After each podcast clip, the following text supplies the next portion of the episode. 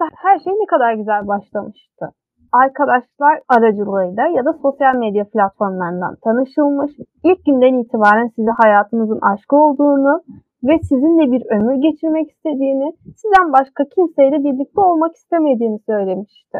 Ancak ilerleyen zamanlarda her şey bir anda değişmeye başladı. Sizi yapmadığınız şeyler için yapmış olmakla suçladı ve en sonunda da hiçbir şey demeden çekti gitti. Eğer bu sözler kulağınıza çok tanıdık geliyorsa ve ilişkilerinizde bu söylediklerimden herhangi bir maddeyi yaşıyorsanız dikkat flört şiddeti yaşıyor olabilirsiniz.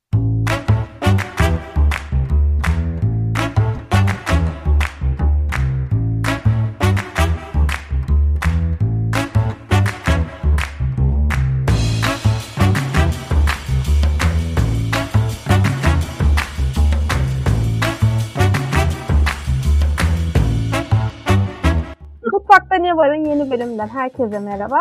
Ben Mertan Suat. Bugün Mor Çatı Vakfı gönüllüsü Ezgi Çelik'le birlikte flört şiddeti konusunu pişireceğiz. Ezgi Hanım hoş geldiniz. Hoş buldum, merhaba. Ezgi Hanım öncelikle şunu sorarak başlayayım bölüme. Flört şiddeti ne demek ve flört şiddetin içinde nasıl farklı türler ve tanımlar yer alıyor? Hı hı, hı.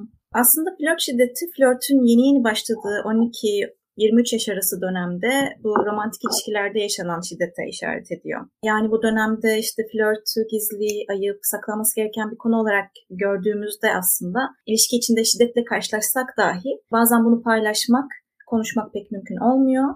Böylesi bir durumda da hani yaşadığımız şeyin şiddet olduğunun farkına varmakta zorlaşıyor. Biraz tanımına bakalım. Yani flört şiddeti dediğimiz şey ne? Aslında flört şiddeti sevgilinin kişiye e, karşı fiziksel, cinsel, psikolojik, sosyal ya da dijital şiddet içeren davranışlarda bulunmasıdır. Partnerlik ilişkilerinde gördüğümüz bir şiddet türüdür aslında. Partner kişi karşısındaki kişiye karşı şiddet göstererek onun üzerinde egemenlik kurmayı, kontrol etmeyi, güç göstermeyi hedefliyorsa aslında şiddet böyle bir şey zaten ama flört ilişkilerinde bu yaşanıyorsa buna flört şiddeti diyoruz.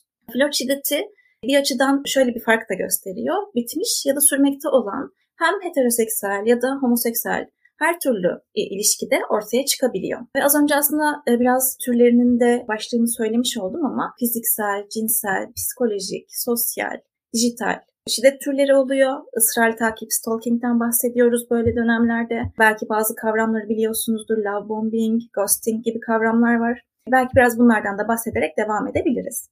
Peki ben şunu da sormak istiyorum. Şimdi çoğu ilişkide bulan bazı davranışlar flört şiddeti olarak adlandırılamayabiliyor. Genelde bunu ne yazık ki hemcinslerimiz yapıyor. Yani kimse kusura bakmasın ama her şeyi, bulan her davranış ya da her şiddet aslında ge- bağıra bağıra geliyorum yani şiddet davranışını kıskandığı için yapıyor, sevdiğinden yapıyor. Beni çok seviyor ki böyle davranıyor. Sevmese zaten ilgilenmezdi. Sen ilişkiden ne anlarsın diye karşı tarafın davranışına göz yumuyor. Aslında hani sizin de bildiğiniz gibi flört şiddetiyle kıskançlık arasında çok ince bir doz var. Her kıskançlık flört şiddeti mi ya da flört şiddeti olarak adlandırılabilecek o eşiği geçen davranışlar neler? Belki burada biraz şeyden bahsetmek güzel olur. Tam da dediğiniz gibi. Flört şiddetini besleyen bazı mitler var. Bunlar toplumsal mitler oluyor. Dediğiniz gibi çevremizde sosyal, çevremizde destek göremediğimiz hatta beslenen e, bu mitler. Flört şiddetini görmek, ondan çıkmak konusunda da bizleri, gençleri ya da işte flört içinde olan partnerleri zorluyor. O ilişkideki insanları zorluyor. Bunlar işte en bariz örnek dediğiniz gibi ilişkideki kıskançlık ya da sahiplenme. Bunun bir sevgi gösterisi olduğunu düşünüyor olmamız. Ya da partneri sürekli kontrol etmek ve onu önemsediğini göstermek. İyi bir ilişkide sevgililerin tüm zamanı birlikte geçireceğine dair bir mit var. Kişisel sınırların olmadığı bir ilişkiden bahsediliyor. Ee, bahsettiğimiz durumlar aslında yine aynı şekilde. Bir yandan şöyle mitler de söz konusu olabiliyor. Özellikle flört şiddeti içinde. Bu şiddeti uygulayan her zaman erkektir. Ama dediğimiz gibi aslında flört şiddeti pek çok e, farklı türde partnerlik ilişkilerini işaret eden bir şiddet türü. Bu mitler maalesef şeyde e, flört şiddetini besliyor. Bir yandan da aslında bu şiddet toplumsal cinsiyet eşitsizliği temelinden kaynaklanıyor. Yani baskı toplumsal yapıdaki bu cinsiyetleri kadın ya da erkek olarak karşıt ve dışlayıcı bir şekilde kategorize ettiği için ve hani güç, kontrol, iktidarlık gibi kavramlardan bahsettiğimiz zaman aslında e, bunun bir şiddet olduğunu e, fark edebiliriz. Yani burada aslında esas nokta dediğiniz ya işte kıskançlık aslında üzüntü ya da işte sevinç kadar doğal bir duygu olabilecekken e, ne, ne zaman şiddet oluyor?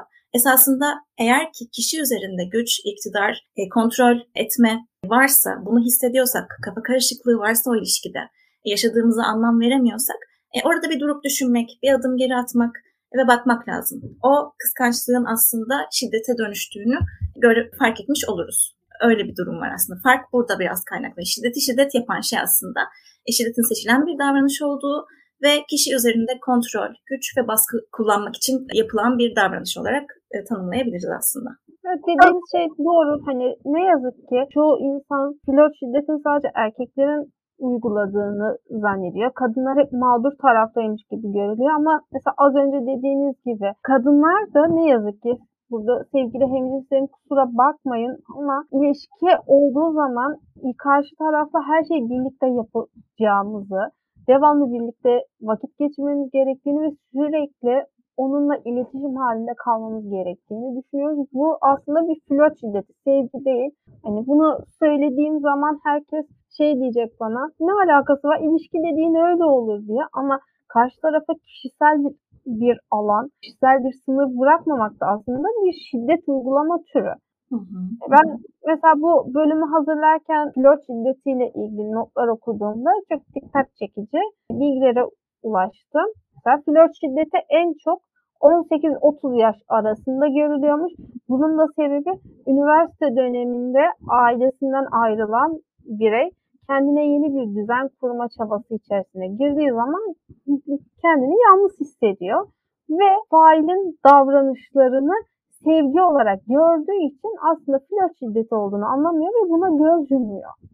Evet. O yüzden bizler böyle işte şiddetle çalışırken bu şiddetin tanımını yapmayı çok önemsiyoruz. Çünkü çok kafa karıştırıcı bir şey. Özellikle e, flört şiddetinde daha çok içinde var olan psikolojik şiddet çok kafa karıştırıcı. Çoğu zaman bunun şiddet olduğunu anlamak zaman alıyor. O nedenle hem dışarıdan desteklenmek, yaşadığımız şeyin şiddet olduğunun farkına varmak, yaşadığımız şeyi anlamlandırabilmek aslında o döngüden çıkmanın ilk adımı oluyor. Belki o yüzden de böyle bir tanımlara kısacık bakmak iyi olabilir gibi geldi bana. Ne dersiniz? Biraz e, açalım mı oraları?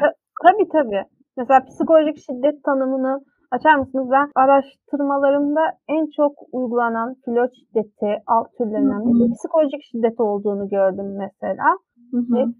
Onu tanıtmakla başlayabiliriz. Tamamdır. Evet kesinlikle. Partnerin kişide korku uyandıracak, kendine olan güvenini, saygısını zedeleyecek biçimde konuşması ya da davranması e, psikolojik şiddeti giriyor. Partner kişi eğer ki bir karşı tarafa isim takıyor, bağırıyor, iftira atıyor, hakaret, küfürler ediyorsa ne yapması gerektiğine o karar veriyor, söz hakkı bırakmıyorsa ilişkide e, ne giymesi gerektiğinden, nerede, ne zaman ne yapması gerektiğine kadar bütün kararları veriyorsa, başkalarının önünde küçük düşürücü davranışlarda bulunuyorsa, tehdit ediyorsa, kötülüyorsa, isminin karalanması, suçlanması gibi durumlara maruz bırakıyorsa, yıkıcı bir şekilde eleştirilmesine sebep oluyorsa, koruduğu gerekçesiyle ben aslında seni koruduğum için bunu yapıyorum sözüyle başlayıp ama aslında yönlendirme ve kısıtlama, yalnızlaştırmaya gidiyorsa bu ilişki ilişki ya da sırlarını başkalarıyla paylaşacağına dair şeyler söylemesi aslında biraz psikolojik flört şiddetine giriyor. Ama böyle en temelde üç başlık gibi konuşursak bir aç, aşağılama, suçlu hissettirme, yalnızlaştırma ya da mahrum bırakma, kimlerle ne zaman nerede görüştüğüne dair sınırlandırma yapmak ya da tehdit korkutma, hareketleri ve tavırlarıyla korkutmak olabilir bu ya da başkalarına zarar vereceğine dair tehditler savurmak olabilir. Yani kısıtlamak aslında birazcık psikolojik şiddetin örneklerine giriyor.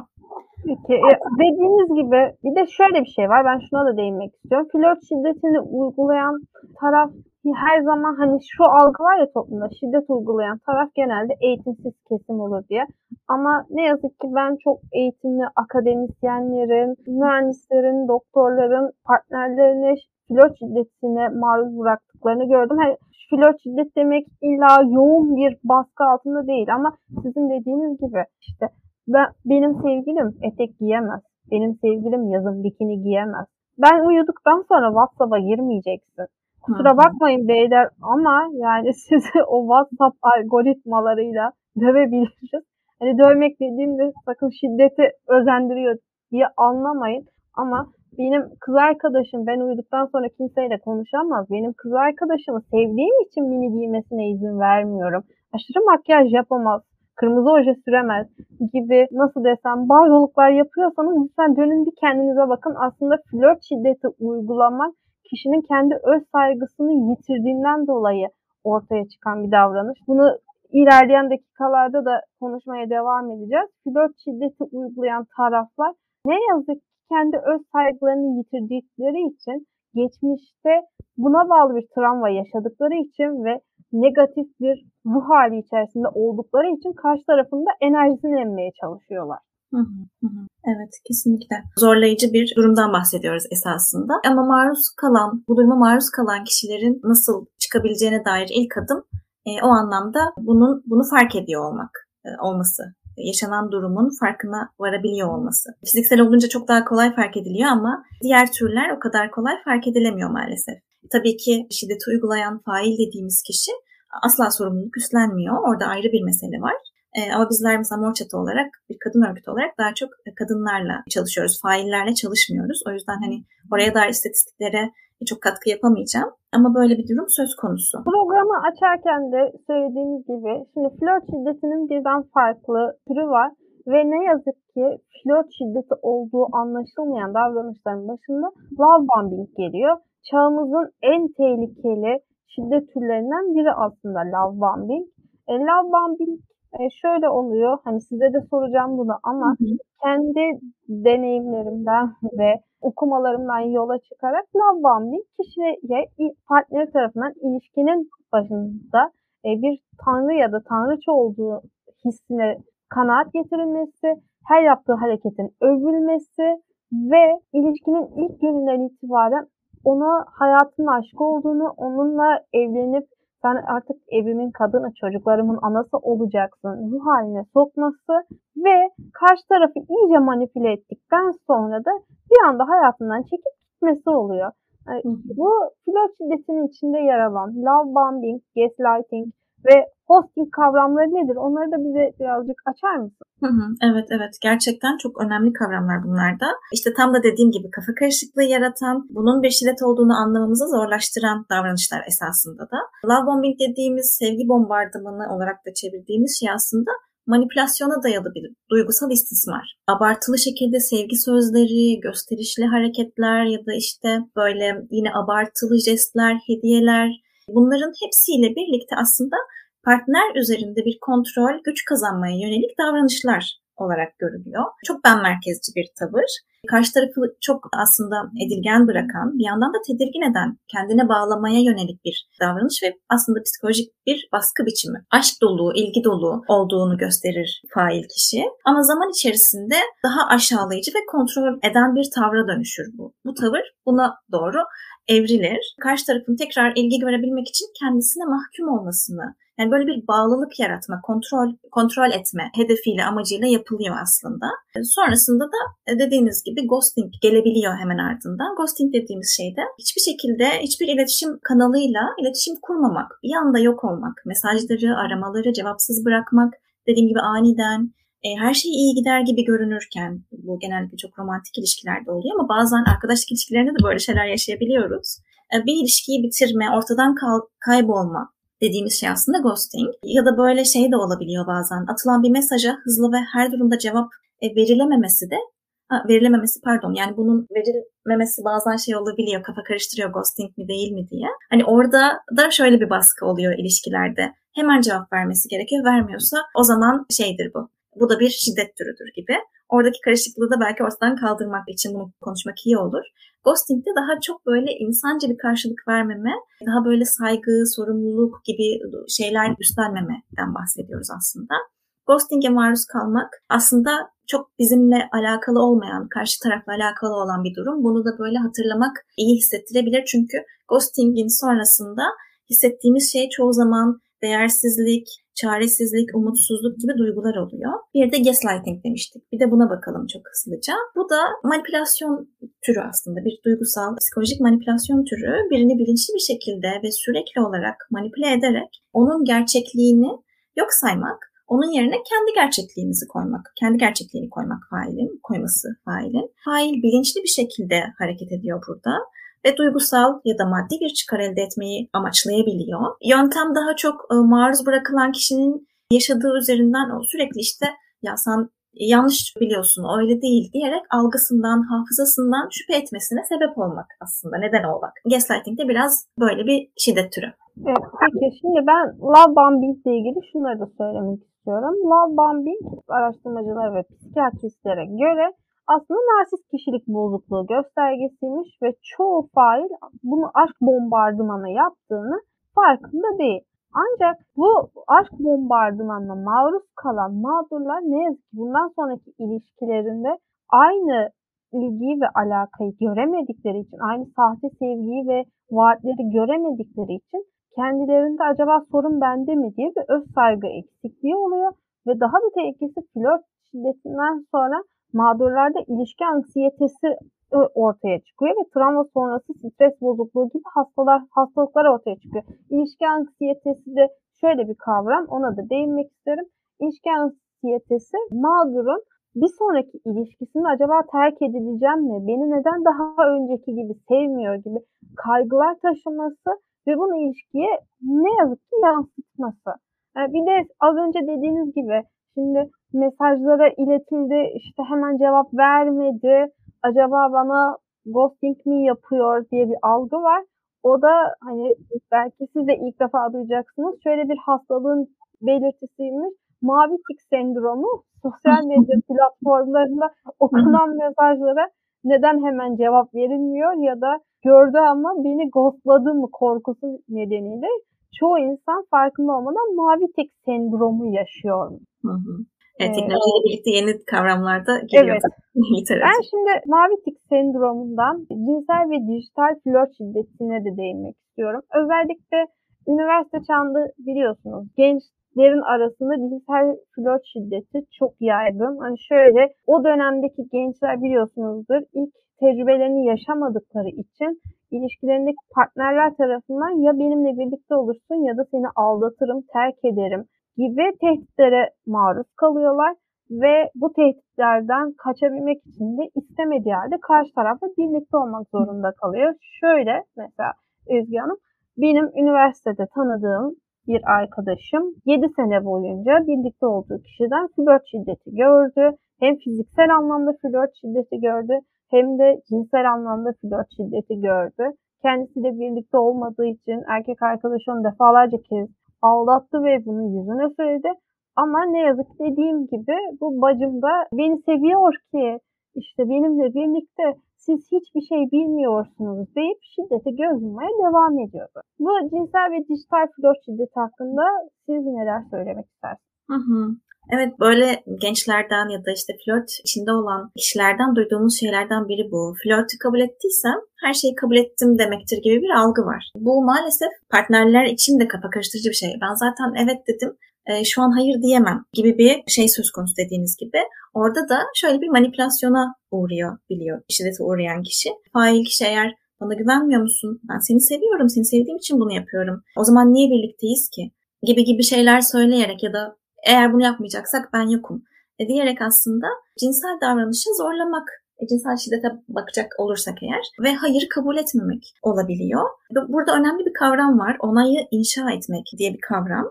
Onay inşası. Eğer ki fail kişi, partnerlerden biri, şiddet uygulayan kişi hayırı kabul etmiyor ya da işte evet cevabını almak için ikna e, etmeye çalışıyorsa partnerini burada bir onay inşası, onayı inşa etme söz konusu. Neler olabilir? İşte Zaten taciz, tecavüz bunlar en bariz e, şiddet türleri ama bunlar dışında doğum kontrol yöntemlerine erişimi engellemek, utandırmak, e, cinselliğiyle başkalarını kıyaslamak da cinsel flört şiddetine giriyor isten, ya istenmediği halde öpülmesinde öpülmek, dokunulmak da dahil olmak üzere ya da alkol ya da madde herhangi bir uyuşturucu madde etkisi altındayken, bilinç yerinde yokken cinsel birliktelik kurulması ya da bir birliktelik sırasında, öncesinde ya da sonrasında kişiye karşı küçümseyici ya da kaba bir tutum sergilenmesi yine cinsel şiddet örneklerine giriyor. Dijital flört şiddeti dijital araçlar kullanılarak cinsel şiddet de yapılabiliyor bu arada. Eğer ki işte izinsiz bir şekilde bilgilerin, görüntülerin aktarılması, buna dair e, tehdit, bunu bir tehdit aracı olarak kullanmakta aslında. Hem dijital flört şiddeti ama bu aracı kullanarak aslında cinsel şiddette uygulanabiliyor şimdiki dönemde. Buradan hemen dijital flört şiddetine de geçiyorum. Partnerlik ilişkilerinde partnerin teknolojik araçları kullanarak kişiyi kontrol etmesi dedik. E, bu araçlarla tehdit ediyor olmak, e, bir yandan sosyal medya hesaplarının şifrelerinin istenmesi ve buradan kontrol edilme durumu. E, kimlerle arkadaş olabileceğine dair karar vermesine izin vermemeye ya da e, orada bir engelleme söz konusuysa yine aynı şekilde flört şiddetine giriyor. Resim ya da video göndermek için zorlamak, tehdit etmek, telefonu ya da bilgisayarı sürekli karıştırmak izinsiz bir şekilde sürekli mesaj atmasını, haber vermesini, sürekli bir rapor vermesini istemek, hızlı bir şekilde yanıt beklemek de e, dijital pilot şiddetine giriyor. Aklıma gelenler şimdilik bu kadar. Şöyle söyleyeyim. Dijital pilot şiddetine hani burada dinleyen bacılarım, kardeşlerim lütfen ya, kusuruma bakmayın ama kadınlar da çok sık yapıyor. Şöyle de bir şey var. Eğer karşı tarafın kimle görüştüğüne, Instagram'da kimi neden eklediğine ya da gece neden online olduğuna karışıyorsanız zaten hani şöyle de bir şey var. Kendine güvensizlik sorunu aslında. Bu kişinin kendi özgüveni olmamasından kaynaklanıyor. Ne, dijital flört şiddetini ne yazık ki hani biz, biz de yapıyoruz. Ve şöyle bir şey var. Dijital flört şiddetinin içinde en çok görülen davranışlardan biri aslında masum olduğu sanılan davranışlardan biri stalk yapmak ve fake hesaplar aracılığıyla görüşmek istemeyen kişiye ulaşmak. Ben hani yavaş yavaş ona da değinmek istiyorum. Şöyle bir şey var. Şimdi lütfen sevgili bacılarım dürüst olalım. Burada biz bizeyiz. Hepimizin hayatının bir döneminde fake hesap açtığını ya da birilerini stalkladığını biliyoruz. Ama stalk yapmak aslında karşı tarafa zarar veren bir davranış. Hani hiç ulaşmamaya çalışmak evet belki bir derece masum sayılabilir ama fake hesap açıp karşı tarafa yazmak, hayır dediği halde ısrarla ısrarla ona ulaşmaya çalışmak ya da hayatına aldığı yeni partnerini görünce gene aynı şekilde saldırgan tavırlar sergilemek ciddi bir flört şiddeti davranışı. Siz bu stalk konusunda ne düşünüyorsunuz? Stalking flört şiddetine girer mi?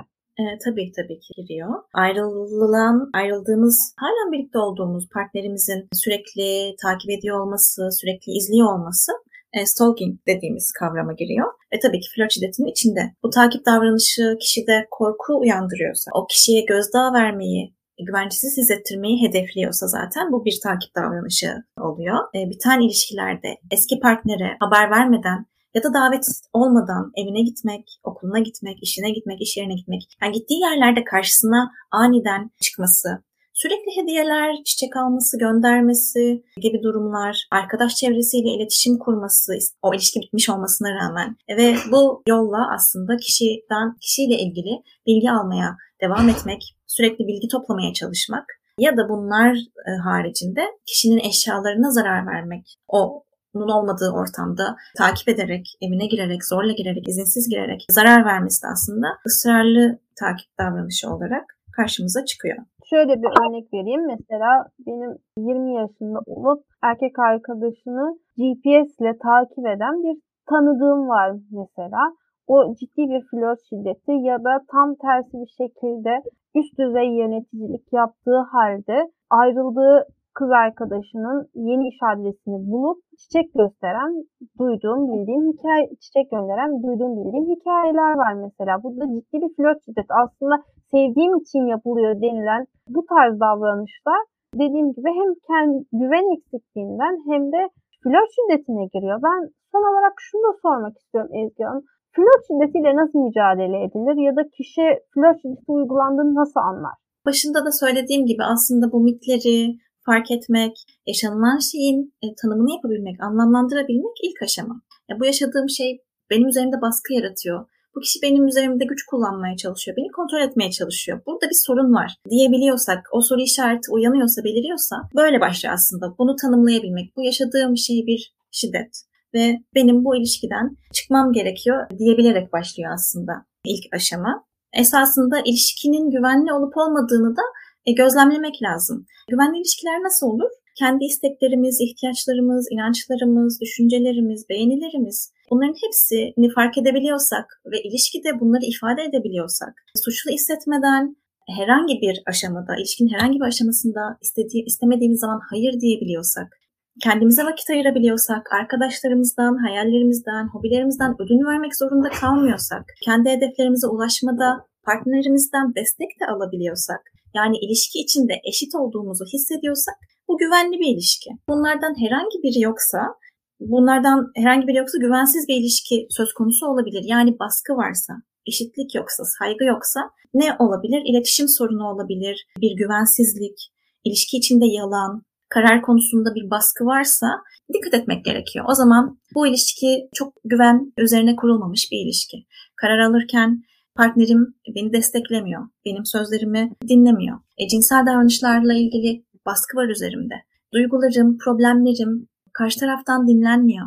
Zamanımı e, sadece onunla geçirmem isteniyor. O zaman bir durup düşünmek, adım atmak, belki yakın e, güvendiğimiz arkadaşlarımızla bunu paylaşabilmek. Çünkü aslında o ilişkilerden çıkabilmenin en kolay yolu da en destekleyici yollarından biri de bunu güvendiğimiz, yargılanmadan dinleyebileceğimiz ortamlarda paylaşabiliyor olmak. Bunun bir ileri boyutu eğer ki kontrol varsa zaten orada bir sevgiden söz edemiyoruz aslında ve şiddet içeren bir ilişkiden bahsediyoruz. Bu ilişki biçimi flört şiddeti dediğimiz o tanımların hepsini kapsıyor. Zarar veriyor, iletişimin zarar verdiği bir ilişki, aşırı kıskançlık varsa, suçlama, yalnızlaştırma, onay dışı davranışlar varsa o zaman zaten bu ilişki şiddet içeren bir ilişki. Ve çoğu zaman şiddet içeren ilişkilerde bir döngü oluyor ve ilişkiden çıkmak istesek de bu döngü devam ediyor. Önce bir şiddet aşaması, ardından bir balayı dönemi, sonra tekrardan tırmanıyor. Özürler, e, bir daha yapmayacağımlar.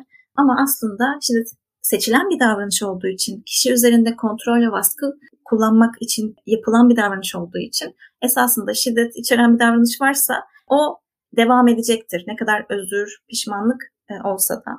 O nedenle aslında sanırım bu ilişkilerin önce hangi boyutta olduğunu keşfedebilmek önemli. Bazen yalnız başımıza keşfedemeyebiliyoruz. Öyle bir durumda tabii ki bu ilişkide kafası karışan partnerin bunu konuşabileceği birilerinin olması çok önemli. Yargılanmadan dinleyebileceği bir alanın olması. Bu bazen bir arkadaş olabilir ama bazen de böyle örgütler olabilir. E, kendisine yakın hissettiği, bu konuda çalışan örgütler olabilir. Ben öncelikle çok teşekkür ederim ıı, konuk olduğunuz için. Son olarak ben de şunları eklemek istiyorum. Buradan hem kadınlara hem erkeklere sesleniyorum. Hangi yaş grubunda olursa olsun. Partneriniz size hayır diyorsa o hayırdır. Lütfen bunu nazlı evet ya da o da istiyor ama kararsız ben onu ikna ederim olarak algılamayın. Hayır hayırdır. Lütfen hayırın üstüne gitmeyin ve bunun için karşı tarafı suçlamayın. Ayrıca ilişkinizde size masum sevgi gösterisi ya da kıskançlık olarak görülen davranışlar aslında flört şiddeti belirtisi olabilir.